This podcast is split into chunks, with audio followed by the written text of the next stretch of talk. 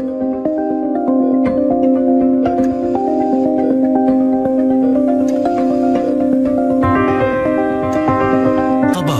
مع نشوى السكري.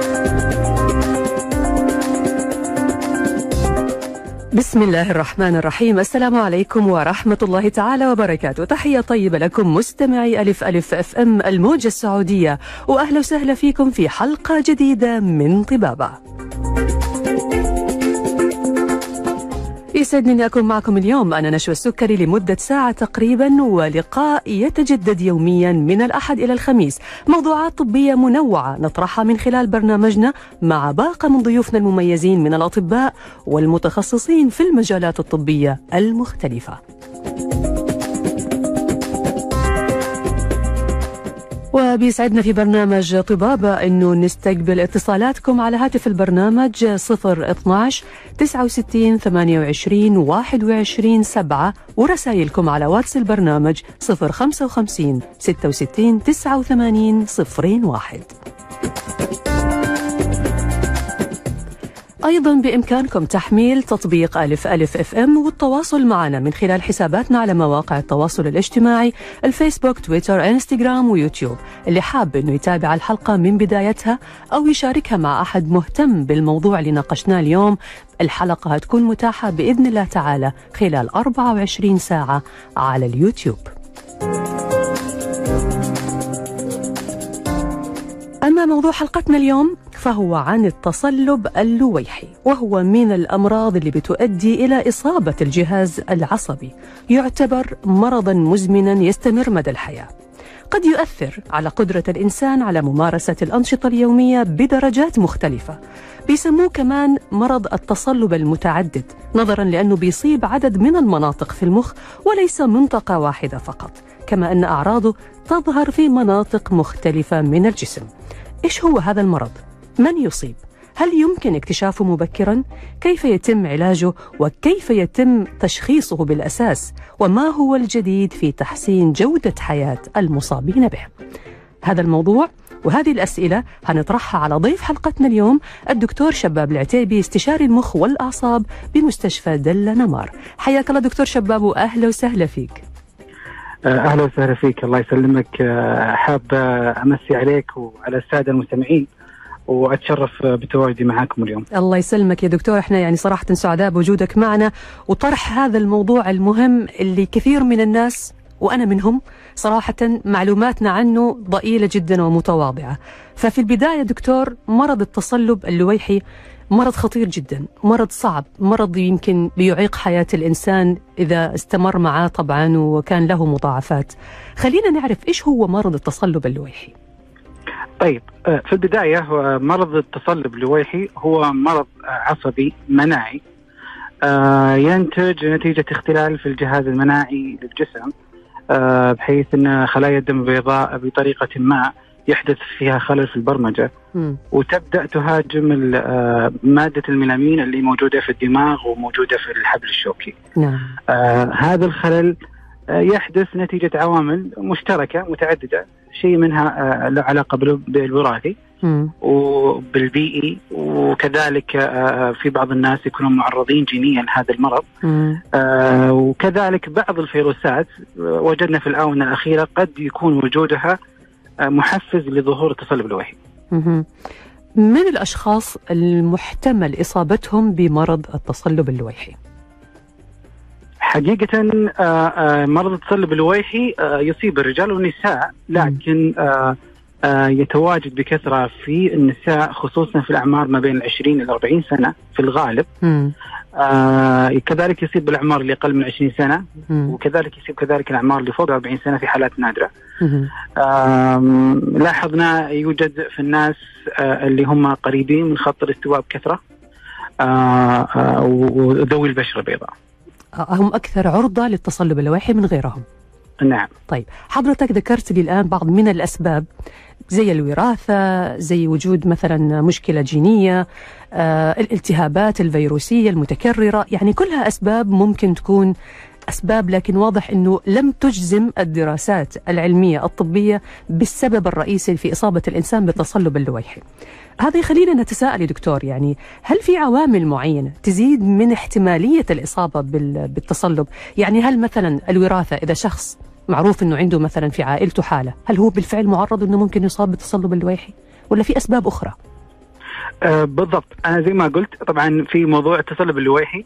آه غالبا ما عندنا أسباب واضحة نقدر نجمع ونتفق عليها لكن اللي. لاحظناه. من خلال المصادر العلمية والابحاث المنشورة عن التصلب اللويحي آه إنه كل ما كان هناك آه آه، مرضى مصابين في العائلة بالتصلب اللويحي زادت احتمالية الإصابة بالأطراف لل- للأقارب. آه، الدرجة الأولى بالذات أو التوأم. كذلك في طفرة جينية معينة معروفة إذا كانت موجودة آه، تزيد من احتمالية حدوث التصلب اللويحي. هذا من ناحية العامل الوراثي. نعم. من ناحية آه، في آه، فيروس بدأت تظهر علامات آه، آه، آه، حدوث وتواجد مع مرضى التصلب اللويحي. فظهرت الدراسات الأخيرة انه احتمالية وجوده قد تزيد من فرصة حدوث التصلب اللويحي. جميل. طيب هل في مؤشرات تدل على إمكانية إصابة الشخص به مستقبلا يا دكتور؟ حقيقة ما في أي علامات أو أو أو أشياء قد نتنبأ بحدوث. آه، تصلب لويحي أو احتمالية حصول الشخص آه، مقابل شخص آخر، لكن زي ما قلت آه، آه، آه، الأشخاص اللي عندهم في العائلة بالذات الناس مصابين بالتصلب الوحي كل ما زاد عدد المصابين كل ما زادت احتمالية إصابة اقارب الدرجه الأولى مم. آه، آه، لكن هل في آه، شيء قد يزيد من التنبؤ؟ لا طبعا. آه، في علامات أحيانا تكون مبكرة. آه، موجودة في الأشعة الرنين المغناطيسي قد تسبق حدوث أعراض كلينيكيه آه، يستطيع طبيب المخ والأعصاب التعرف عليها قد تنبئ بإمكانية حدوث التصلب اللويحي لهذا لهذا المريض. هذه قد تأتي بالصدفة يعني أو إذا الشخص عنده تاريخ وراثي في عائلته إنه مثلا من وقت للتاني يروح يطمن يعمل رنين. وفي الغالب إحنا ما بنتبع الإجراء الوقائي في حياتنا يا دكتور. إحنا دائما نبحث عن الدكتور لما نشعر بالألم. طيب إحنا يعني في, في هذه الجزئية كذا خلينا نبدأ نتكلم بما إنه ما في مؤشرات واضحة أو ما في علامات بتظهر على الإنسان قبل الإصابة أو تنبئ بأنه ممكن يصاب بالتصلب اللويحي مستقبلا. كيف بيتم تشخيص التصلب اللويحي دكتور؟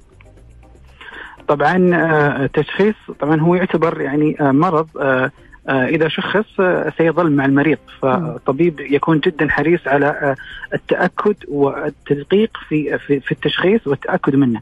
آه، فهو آه، عبارة عن آه، ثلاث آه، آه، آه، أشياء آه، نستخدمها في التشخيص. نعم. حضورها لازم يكون إلزامي حتى نقدر نشخص التصلب اللويحي مم. منها أعراض معروفة. آه، يصاب فيها مريض التصلب اللويحي ازدواجية في النظر أو التهاب في العصب البصري أو التهاب حتى في النخاع الشوكي. آه، وعلامات معينة موجودة في الرنين المغناطيسي. آه، لازم نتأكد وجودها في مناطق معينة. آه، بأكثر من منطقة. ووجود عوامل تتنبا انه هذه التص- ال- التصبغات حدثت في أوقات مختلفة. بالإضافة قد نلجأ أو في معظم الأحيان إلى أخذ عينة من سائل النخاع الشوكي للتاكد من وجود آه، آه، آه، بروتين معين وجوده يزيد من التأكيد على أن هذا هو التصلب الوحيد. طيب على حسب ما فهمت دكتور إنه ما في شيء يؤكد الإصابة لكن ال- الإجراء اللي بيتم اتباعه للتشخيص هو نفي الإصابة بأمراض ثانية ممكن تكون بتعطي نفس الأعراض اللي بيشعر فيها المريض إذا كان مصاب بالتصلب اللويحي، هل هذا الكلام لا. صحيح؟ لا في مم. حاجة لازم أوضحها في بخصوص التصلب اللويحي، نعم. طبعا أي مريض يجينا بأعراض عصبية أيوه آه، في في عمر اللي أنا ذكرت لك آه، من 20 40 سنة دائما نحط في اعتباراتنا تصلب الوحي. آه، فكثير من آه، الأمراض قد تشابه تصلب الوحي في الهجمات وكذلك في وجودها في الدماغ النقاط. آه، فإحنا أول شيء نتأكد إنه ما تكون هذه موجودة الأمراض بعد ما نستبعدها آه نتأكد العلامات اللي معروفة عندنا إحنا عندنا زي النموذج وال criteria نستخدمها في الأشعة. آه ومتفق عليها على مستوى العالم آه آه، تفيدنا في التعريف والتصلب اللويحي. آه والتأكيد عليه مم. بالإضافة إلى عينة السائل النخاع الشوكي اللي تاكد كذلك وجوده بشكل مؤكد آه يعني يعني الآن أصبح تشخيصه مؤكد من خلال عينة السائل النخاع الشوكي. نعم عينة السائل النخاع الشوكي. مقرونة بمعايير معينة إحنا نشوفها في الأشعة أيوه. آه، تعطي احتمالية الإصابة والتأكد منها بنسبة كبيرة جدا فوق ال 95%. جميل. هنعرف منك يا دكتور كيف يتم التفريق في آه، تشخيص التصلب اللويحي والشقيقة من خلال طبعا الفحوصات اللي بيتم إجراءها لكن بعد ما نطلع فاصل قصير ونرجع بعده نكمل حوار.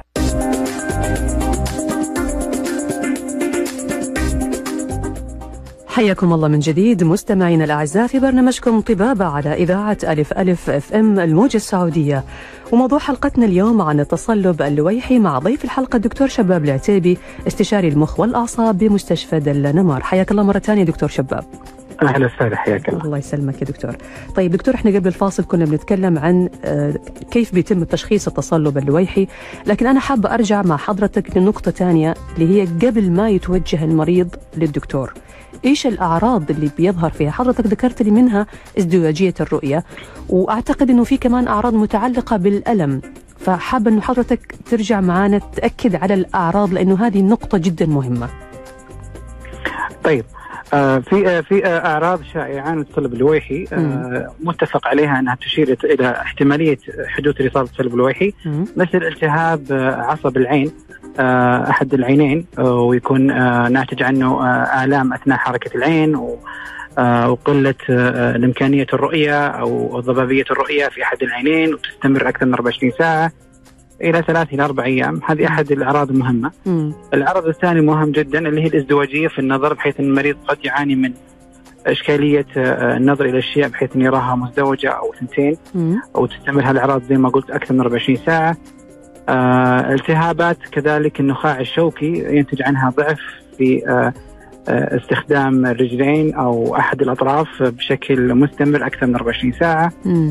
آه، عدم التوازن آه، مستمر آه، آه، دوار مستمر آه، آه، كذلك أحيانا يكون في برضو آه، آلام تكون موجودة في العصب ال- ال- ال- آه، الرابع للعين اللي هو فيكون في مشكلة في حركة العين للجهة اليمنى واليسرى. الطرفية فهذه كلها آه، آه، أعراض أو هجمات متفق أنها توحي بشكل كبير جدا إلى التصلب اللوعي مم. بعد استبعاد الأسباب الأخرى. نعم هو واضح يا دكتور إنه المرض عشوائي يعني آه، هو بي- بيهاجم الأعصاب في أي منطقة في الجسم وبناء عليه يشعر المريض بالأعراض على حسب المنطقة اللي تم مهاجمتها بالتأكيد طبعا آه آه هو زي ما قلت هو يعني يصيب ماد أو يهاجم آه طبقة الميلامين اللي هي موجودة أصلا في الدماغ إلى النخاع الشوكي. فأي هجمة تكون في أماكن معينة راح تب- تبان الأعراض ناتجة عن هجمة في نفس المكان هذا. فقد يكون فيها أعراض حركية أو آه، أعراض حسية أو عدم توازن كذلك زي ما قلت في موضوع الرؤية. والازدواجية.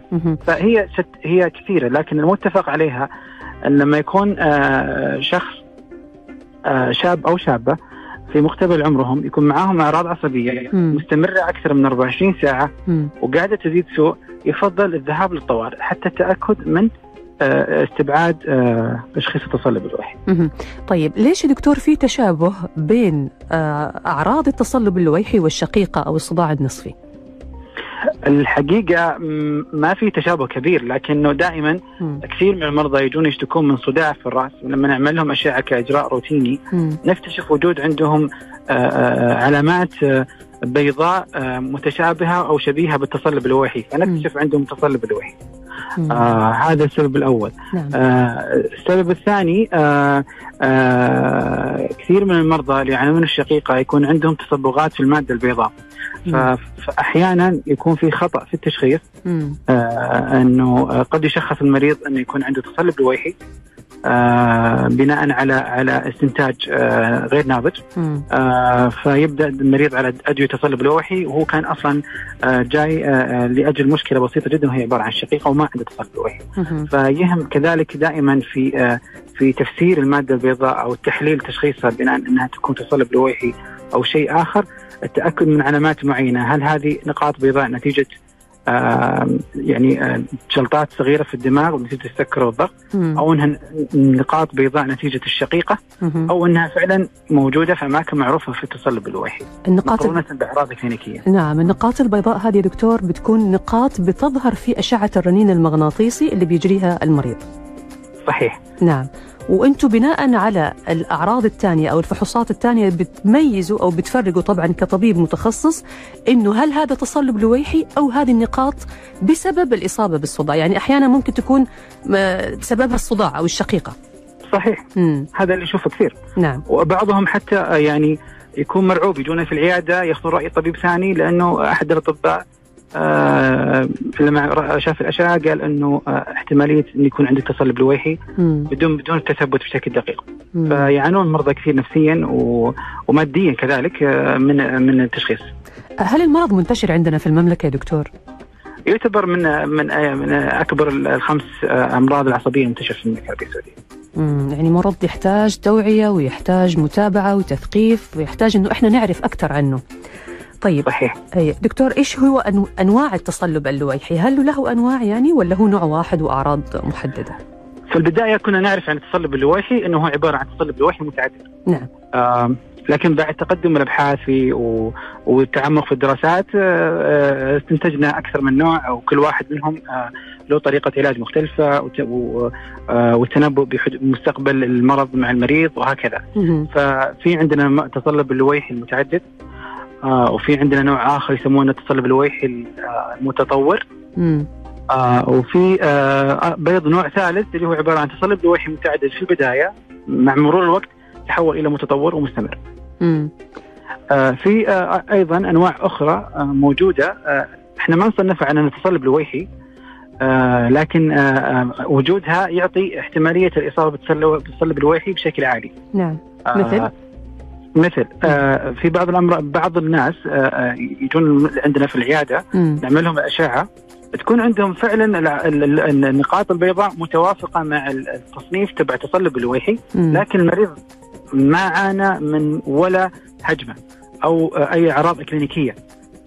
آه، فهنا المريض نعرف إنه عنده احتمالية كبيرة جدا إنه ممكن يتحول هذا النقاط البيضاء الصامتة إلى تصلب الويحي مهم. يعني هي قد تكون نقاط بيضاء صامتة زي ما حضرتك ذكرت بمعنى لا تظهر عليها لا تظهر بسببها أعراض أو أنها تكون نقاط بيضاء موجودة ويشعر المريض معها بهجمة أو بأعراض الإصابة بالتصلب اللويحي صحيح. طيب هنا السؤال يدفع يعني لازم نسأل إيش هي هجمة التصلب اللويحي هذه يا دكتور؟ وكيف نفرق بينها وبين الهجمة الكاذبة؟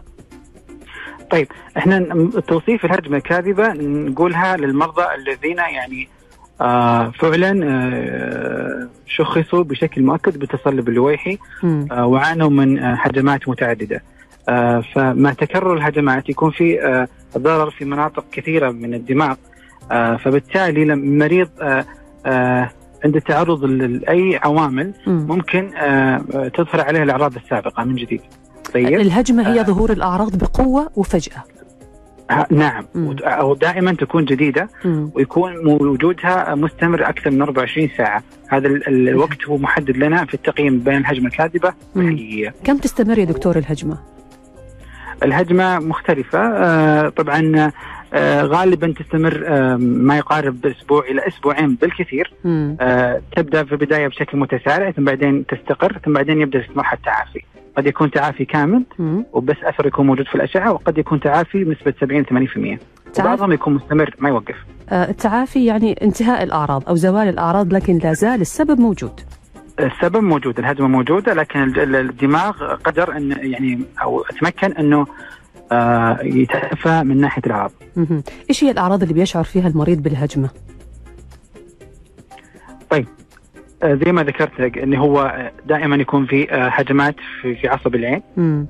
آه، ويكون في ضعف الرؤية وألم أثناء حركة العين أو ازدواجيه في النظر. آه، أو آه، على حسب زي ما قلنا على حسب الأماكن اللي يكون فيها الإصابة أو يكون في مشكلة في النخاع الشوكي عدم الحركة مم. قد تكون في الأطراف السفلي كامل أو قد تكون في أحد الأطراف مم. كذلك آه، آه، آه، تضرر المركز المخيخ آه، وينتج عنه عدم توازن أو حتى صعوبة في البلع أو الكلام. فترة مؤقتة من الوقت وبعدين يبدأ المريض بالتعافي بعد استخدام ال- العلاج في الطوارئ زي الكورتيزون أو حتى التعافي م- يعني آه، بعد فترة طويلة. هل بتكون الهجمة آه، أعراضها متشابهة كل مرة دكتور ولا ممكن تختلف؟ لا في. الغالب إنها لما نصنفها هجمة جديدة راح تكون آه، تهاجم منطقة جديدة غنية بمادة الميلامين. أوكي. طيب حلقتنا مستمرة. دكتور هنعرف مع حضرتك كيف بيتطور المرض وإيش هي مضاعفاته بمرور الوقت لكن بعد ما نطلع فاصل قصير ونرجع بعده نكمل حوارنا.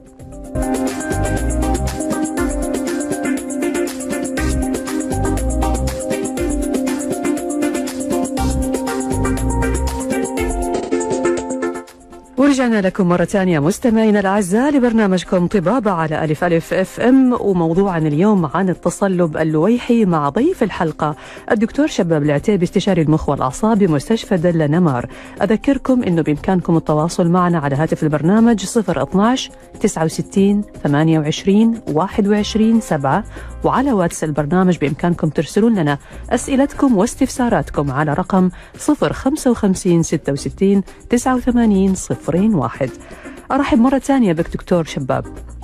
أهلا وسهلا فيك. أهلين يا دكتور.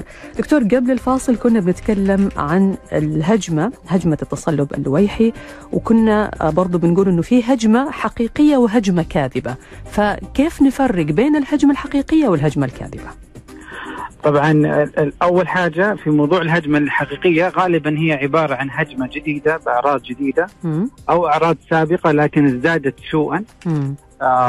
دائما تستمر أكثر من 24 ساعة آه، لمدة يومين ثلاث أيام آه، وتتعافى مع استخدام ال- ال- الكورتيزون. تمام. آه، آه، الهجمة الكاذبة هذه دائما نشوفها في الناس المشخصين والمصابين بالتصلب اللويحي آه، آه، يكون عندهم أثناء مرحلة ال- المرض آه، آه، آه، وظهور أعراضهم السابقة. آه، بشكل ملاحظ لفترة تقل تقريبا عن آه، من 24 ساعة آه، ودائما تكون مصحوبة بأشياء معينة مثلا تغير في درجة حرارة الطقس آه، وجود آه، أعراض التهاب معين زي آه، التهاب في الجهاز التنفسي أو التهاب آه، في في الجهاز الهضمي أو ارتفاع في درجة حرارة المريض. آه، هذه آه، الأشياء آه، قد آه، تساعد في ظهور الأعراض القديمة مم. المدة أقل من 24 ساعة فهذه دائما آه، نحاول نتأكد منها لما يزورنا المريض في الطوارئ مريض اللويحي مم. آه، إذا كانت آه، آه، آه، الأعراض توحي بأعراض هجمه كاذبة ما نكون نعطيه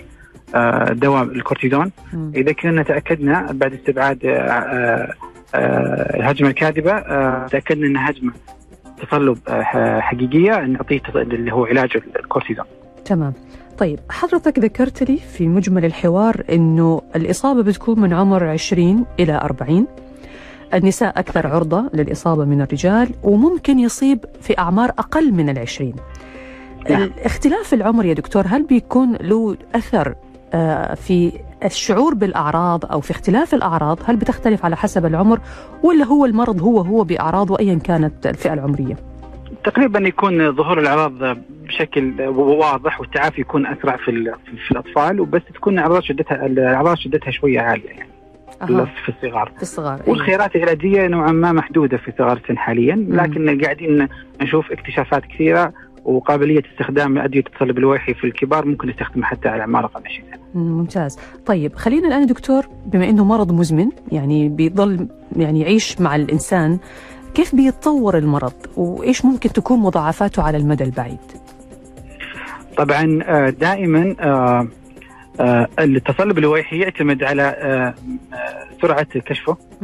آه، وسرعة اختيار العلاج المناسب للمرحلة اللي اكتشف فيها المرض.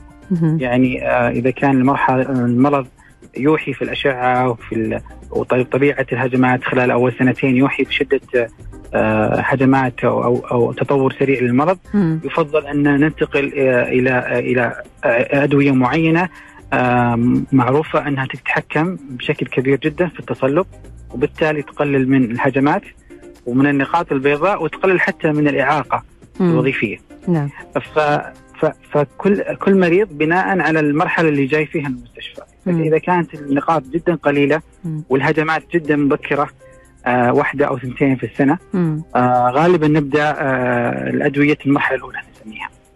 آه في بعض المرضى لما يجون وتكون النقاط البيضاء جدا عالية في أماكن كثيرة آه سلوك ال- الهجمات دائما تكون آه يعني سريعة وشديده غالبا ننتقل إلى خطوات العلاج ال- الثانية أو الثالثة. فإحنا نقسم أدوية ال- التصلب اللويحي إلى أكثر من آه، مرحلة. آه، كل مرحلة آه، لها آه، إيجابياتها وقوتها في التحكم في المرض ولها كذلك اضرار جانبية نأخذها دائما في عين الاعتبار. تعتمد على شدة المرض أيوه ما. يميز الأدوية. المكتشفة حديثا إنها جدا قوية في التحكم بالمرض. والسيطرة عليه وبالتالي مستقبلا تكون جودة الحياة والعملية والوظيفية والنفسية للمريض جدا عالية وممتازه تصل لمرحله السيطرة على ال على ال على الهيجان الجهاز المناعي. ممتاز خلينا ناخذها بتفصيل أكثر يا دكتور بما إنه حضرتك ذكرت يعني إنه في تطور في العلاجات مبدئيا إيش هي الخيارات العلاجية المتوفرة لمرضى التصلب اللويحي والأمل الجديد اللي الآن اللي حضرتك ذكرته بإنه ممكن وهذا سؤال مطروح الآن في الحلقة ممكن إنه الإنسان ما يوصل لمرحلة الإعاقة في حياته. طبعا آه إذا إذا بدأنا العلاج المناسب للمرحلة. اللي اكتشف فيها المرض آه ال- القوي المسيطر على الجهاز المناعي ممكن أن نتحكم بشكل كبير من من من آه مساعدة على على خمول المرض وعدم تطور النقاط البيضاء والهجمات. المتراكمية، فبالتالي نحافظ على مستوى الوظيفي وجودة الحياة للمريض. جميل. الخيارات جدا كثيرة، مم. آه آه في البداية كانت خيارات عبارة عن حقن تحت الجلد مم. تعطى بشكل يوم أو يوم لا آه أو أسبوعية، نعم. ثم انتقلنا إلى خيارات دوائية عن طريق الفم حبوب مم. وصار في آه، راحة للمريض في استخدامها. آه، ثم انتقلنا إلى مراحل أيضا آه، علاجية باستخدام الحقن الوريدية مم. بشكل شهري. وكذلك في الآن دخلنا مرحلة استخدام أدوية وريديه قوية بشكل آه، نصف سنوي وفي بعضها حتى سنوي. آه، يستخدم مرة ومرتين. آه، كلها فعالة جدا جدا في التحكم بهيجان المرض والسيطرة عليه. وبالتالي تساعدنا في نكون يعني قادرين على إبقاء ال- ال- المرض في مرحلة خاملة جدا. هذا شيء، الشيء الآخر جو- آه، يعني آه، الآن آه، صار في آه، آه، أدوية تعطى بطريقة لطيفة للجلد. آه، بامكان بإمكانية أخذها في البيت مثل ابر التنحيف. آه، وفي أبر آه، وفي حبوب كذلك آه، صار ال- الأضرار الجانبية فيها نوعا ما آه، مقبولة مم. ممكن تحملها. آه، وفعالة جدا جدا في السيطرة على المرض. فالخيارات ما كانت ما هي مثل قبل محصورة في آه، في آه، دواء أو دوايين آه، فعاليتهم تتراوح بين 30 40% إحنا وصل- وصلنا مرحلة جدا عالية في السيطرة على المرض من ناحية آه، الهجمات الصامتة والهجمات ال- برضو الكلينيكية. ممتاز يا دكتور. في دكتور برضو إجراء آه، علاجي اللي هو تبديل البلازما. إيش هذا الإجراء؟ وهل هو فعال في علاج التصلب اللويحي أو تحسين ال- الشعور بأعراض التصلب اللويحي إحنا نسميه غسيل البلازما أو غسيل دموي. آم، طبعا هو فكرة العلاج هذا إنه آه، آه، في في في فئة معينة من المرضى آه، لما يجون بهجمه شديدة جدا. آه، خصوصا في النوع ال- ال- ال- العنيف من التصلب اللويحي اللي ما يستجيب للكورتيزون في الطوارئ. آه، ويكون عندهم تطور شديد وعدم تعافي من من الهجمة خصوصا إذا كانت برضو جاية في مناطق جدا حساسة واستراتيجية أيوه ممكن ننتقل أو نسوي ترقية للعلاج إلى العلاج بالبلازما.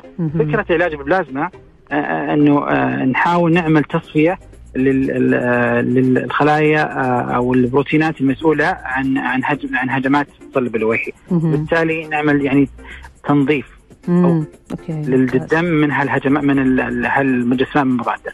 ممتاز يا دكتور طيب إيش هي الإجراءات اللي بيتخذها الدكتور في العيادة قبل البدء بالعلاج طبعا أول حاجة أول شيء نتأكد إنه ما يكون عبارة عن شبيه إذا كان مريض جديد بالنسبة لنا. ما يكون شبيه آه، للتصلب اللويحي. لما نتأكد إنه يكون تصلب لويحي نتأكد آه، آه، بشكل يقيني عن طريق فحص آه، المريض بشكل دقيق وكذلك أيضا عمل أشعة الرنين المغناطيسي بالصبغة على معيار بروتوكول معين خاص بالتصلب اللويحي. آه، آه، يعني هذا شيء مهم جدا ذكره لازم يكون اشعه الرنين بناء على مواصفات معين معينة.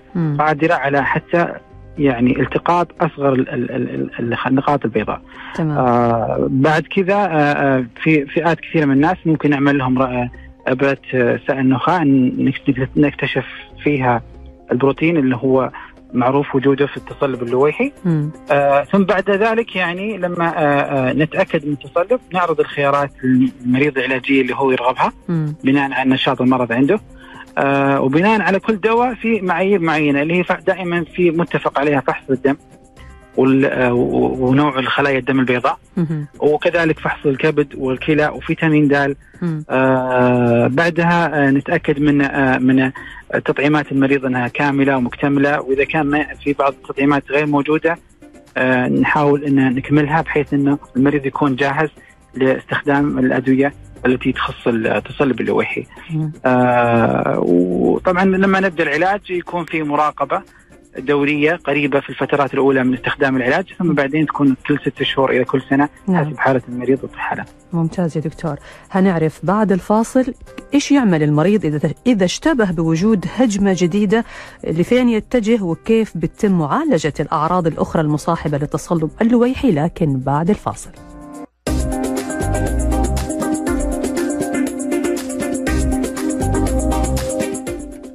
يا هلا وسهلا فيكم. رجعنا لكم مرة ثانية. مستمعينا الأعزاء لبرنامج طبابة مع ضيف الحلقة الدكتور شباب العتيب استشاري المخ والأعصاب بمستشفى دلة نمار وموضوعنا اليوم عن التصلب اللويحي.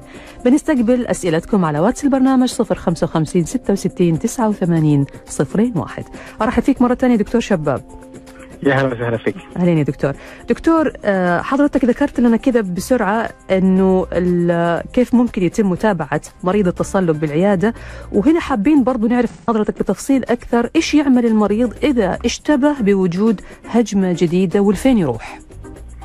إذا كان المريض غير مشخص بمرض التصلب اللويحي المتعدد يفضل إنه يتوجه لطبيب المخ والاعصاب بحيث إنه يتأكد بعد أخذ التاريخ المرضي والفحص الكلينيكي والأشعة إذا كانت الأعراض أعراض تصلب لويحي متعدد أو شيء آخر.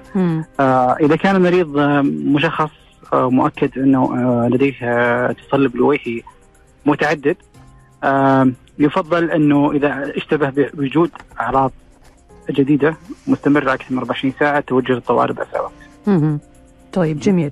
طيب السؤال يا دكتور برضو الآن كيف بيتم معالجة الأعراض المصاحبة للتصلب اللويحي الأعراض الأخرى؟ طبعا مريض التصلب اللويحي آآ آآ يعاني من طيف من أعراض كثيرة ليست مقتصرة بس على موجود وجود الهجمه أو هجمه التصلب اللويحي قد يعاني من أعراض آلام عصبية مختلفة في أماكن متعددة من الجسم. نعم. تحتاج معالجتها عن طريق مسكنات الألم الخاصة بالأعصاب والتصلب اللويحي قد يعاني كذلك من انقباضات عضلية مستمرة وشديدة. وتكون أحيانا حتى مؤلمة. ويمكن معالجتها بالأدوية. كذلك بعض المرضى يعانون من تقلبات مزاجية ونفسية.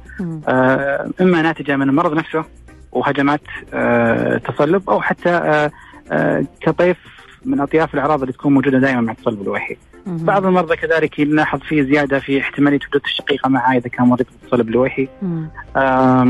كذلك آه آه يحتاجون مرضى التصلب اللويحي إلى مع كل هجمة خصوصا إذا كانت معيقة للحركة أو التوازن يحتاجون علاج طبيعي مكثف للمرضى التصلب حتى يعني نساعدهم بإمكانية التعافي بشكل أفضل وأسرع. في بعض المرضى أحيانا حتى إذا كان المرض نوعا ما شوية عدائي وعنيف أو متطور بشكل سريع يحتاجون مع الوقت استخدام العلاج الوظيفي بما يمكن يعني من ممارسة حياتهم بشكل أفضل. العلاج الوظيفي اللي هو إيش يا دكتور؟ توفير ال ال مثلا استخدام الكراسي المتحركة تهيئة المنزل لمريض التصلب اللويحي استخدام الوسائل المساعدة في في الحفاظ على التوازن أثناء الحركة في البيت فهذه أشياء جدا مهمة خصوصا في مرحلة متقدمة من التصلب اللويحي. جميل.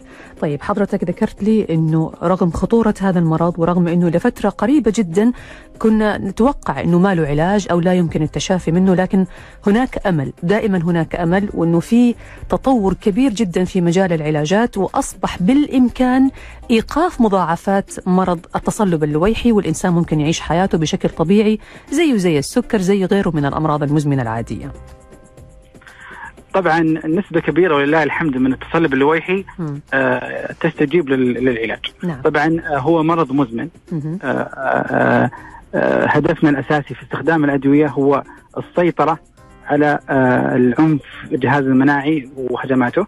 آه، وابقائها تحت السيطرة لفترة طويلة ممكنة.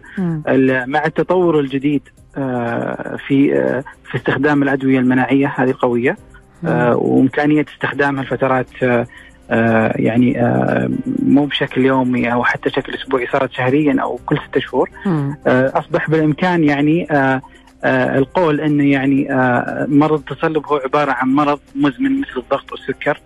آه، تتوفر لله الحمد لدينا آه، كافة العلاجات ال- ال- ال- القوية آه، ذات ال- ال- آه، القدرة على السيطرة على الجهاز المناعي.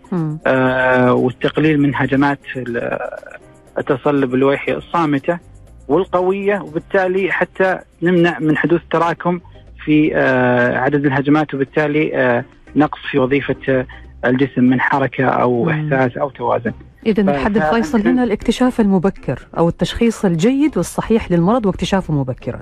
ممتاز مم. العوامل اللي تخلي المريض آه، يوصل مرحلة جدا مستقرة في المرض هي مم. أشياء معينة أساسية مم. سرعة الكشف مم. عند الاشتباه. بدء العلاج المناسب لمرحلة الاكتشاف حقة المرض سواء مم. خفيفة أو متوسطة أو قوية مهم. آه، متابعة دورية مع المريض مع الطبيب والتأكد عدم وجود تطور حتى لو كان صامت أثناء الأشعة نعم آم، هذا بإذن الله ومع ممارسة آه، آه، ال- الرياضة آه، الحرص على آه، جعل الفيتامين د في مستوى مناسب مم. والحفاظ على وزن جدا معتدل ما يكون آه، في وزن زائد. آه، كذلك آه، آه، آه، آه، التوتر والضغط النفسي بشكل كبير لأنه آه، هذه لاحظناها قد تزيد من احتمالية حدوث هجمات آه يعني إحنا العوامل نساعد جسمنا أيوه بالضبط ما نحمل عليه أشياء زيادة ممتاز مم. هذه كل العوامل إذا كانت موجودة آه لها دور في آه بقاء الجسم في مرحلة جدا مستقره من ناحية الصلب اللوحي. ممتاز آه في نقطة مرة مهمة. حتى برضو الغذاء الصحي. المتوازن اللي. هو إحنا نسميها حمية متوازنة من ناحية الخضروات والفواكه. آه والتقليل من استخدام اللحوم الحمراء. لها دور كبير جدا حتى في آه مساعدة. آه، التعافي وجعله أسرع. ممتاز يا دكتور طيب ناخذ يا دكتور بعض الأسئلة اللي جاتنا آه سؤال يقول أج... أجريت أشعة رنين مغناطيسي وتبين أنه عندي 12 نقطة بيضاء في المخ الدكتور قال لي أنه هذا ليس تصلب لويحي لكن أنا أعاني من أعراض مختلفة مثل شد وآلام في الرأس والرقبة آلام في الأذن والعين والأسنان فإيش هو المرض المحتمل لمثل حالتي علما أني أعاني من الشقيقة آه مثل ما قلت طبعا كثرة النقاط البيضاء ليست علامة على وجود علامة الصلب اللوحي. مم. آه، آه، هي هي صفات ومواصفات معينة للنقطة في أماكن معينة هي آه، إذا اجتمعت ممكن إحنا نقول بشكل مؤكد إن وجود التصلب اللويحي إما كان صامت أو ما كان له أعراض كلينيكية. آه، آه، الشقيقة معروف كذلك عنها آه، احتمالية وجود نقاط بيضاء في مرضى الشقيقة نسبة كبيرة جدا. وقد لا تعني أي شيء من ناحية آه، هل يعني آه، يجب القلق منها أو أو معالجتها. تمام طيب سؤالي دكتور من سارة 45 سنة تقول عندي كسل في الغدة الدرقية باخذ الدواء الخاص فيها ومستوى الهرمون الآن طبيعي أعاني من تنميل في اليد اليسرى وأحيانا أحس التنميل في القدمين هل أنا معرضة للإصابة بالتصلب اللويحي وهل في إجراءات تمنع الإصابة؟ آه، طبعا دائما لازم نتأكد من الأعراض، هل هي أعراض آه، يعني آه، يعني أعراض متكررة. يعني تروح وترجع. آه، آه، أو إنها آه، مستمرة أو لا، هذه تفرق في التشخيص. نعم آه، طبعا دائما إذا كان الشخص قلق ومتوتر بشكل عالي جدا قد تظهر عليه أعراض عصبية. آه، مؤقتة آه، نتيجة آه، الضغط النفسي والتوتر أو القلق في الموضوع. مم. فاللي يؤكد على تشخيص التصلب اللويحي لابد أن يكون طبيب متمرس متخصص في المخ والاعصاب. آه بعد ما يجمع كل البيانات اللي يحتاجها من ناحية التاريخ وفحص الكلينيكي والأشعة قد يصل إلى تشخيص التصلب اللويحي أو شيء آخر. طيب سؤال كمان يا دكتور. من فهد يقول عندي تنميل في الجزء الشمالي من الرأس. آه لا الجزء الشمالي من الجسم. ورعشة في جفن العين والحواجب. ورحت لدكتور طلب أشعة مقطعية على المخ. ما أدري الأشعة المقطعية لها أنواع. أو بتنعمل على مكان معين من المخ ولا على المخ كله؟ الأشعة المقطعية دائما ما نعتبرها جزء من المعيار الأساسي نستخدمه في فحص آه، التصلب الوحي. الأشعة المقطعية تفيدنا في في في أشياء أخرى. آه، خصوصا الأشياء اللي تكون ناتجة عن آه، آه، لو لو كنا حابين يعني آه، آه، نستبعد حدوث نزيف دموي أو جلطات لا سمح الله قد تكون الأشعة المقطعية مفيدة كمعيار. لكن في التصلب الوحي المعيار الأساسي هو استخدام آه، أشعة الرنين المغناطيسي. لازم الرنين. ببروتوكول التصلب الوحي نعم. نعم. طيب آخر سؤال يا دكتور يقول عندي وجع شديد يستمر لثواني في الرأس وليس مكان محدد وتجيني دوخة من وقت لآخر. أجريت أشعة رنين ولم يظهر بها شيء وكذلك رسم مخ ولم يظهر. أرجو الإفادة علما الو- الوجع مستمر من حين لآخر. طبعا على حسب. هذه لا لا اصنفها أنها آه، أعراض أو هجمات تصلب. آه، قد تكون آه، آه، آلام آه، عصبية آه، تحتاج نحتاج التاكد منها. طبعا سواء اشعه رنين مغناطيسي. مم. آه، والتخطيط آه، هذه ممكن تزيد تقريبا 70 إلى 80% من الأسباب لكن آه، لابد من تاريخ آه، مرضي مفصل وفحص كلينيكي. آه، قد يكون في الأخير إن شاء الله ما يكون في أي مشاكل عصبية عضوية قد تكون عبارة عن مشاكل توترية. إن شاء الله. الله. تكليف في المستشفى. بإذن الله تعالى. الله يعافينا جميعا وإياكم مستمعينا الأعزاء. في نهاية هذه الحلقة أنا بشكرك جزيل الشكر الدكتور شباب العتيبي استشاري المخ والأعصاب بمستشفى دلة نمار شكرا لوجودك معنا دكتور في هذه الحلقة. أهلا وسهلا. تشرفت فيكم. الله يعني. يسلمك يا دكتور. والشكر موصول لكم أنتم أيضا مستمعينا الأعزاء. نلقاكم على خير إن شاء الله في حلقة الغد بإذن الله تعالى. تقبلوا تحياتي من خلف المايك. أنا نشوى السكري ومخرج الحلقة خالد القايدي في حفظ الله ورعايته.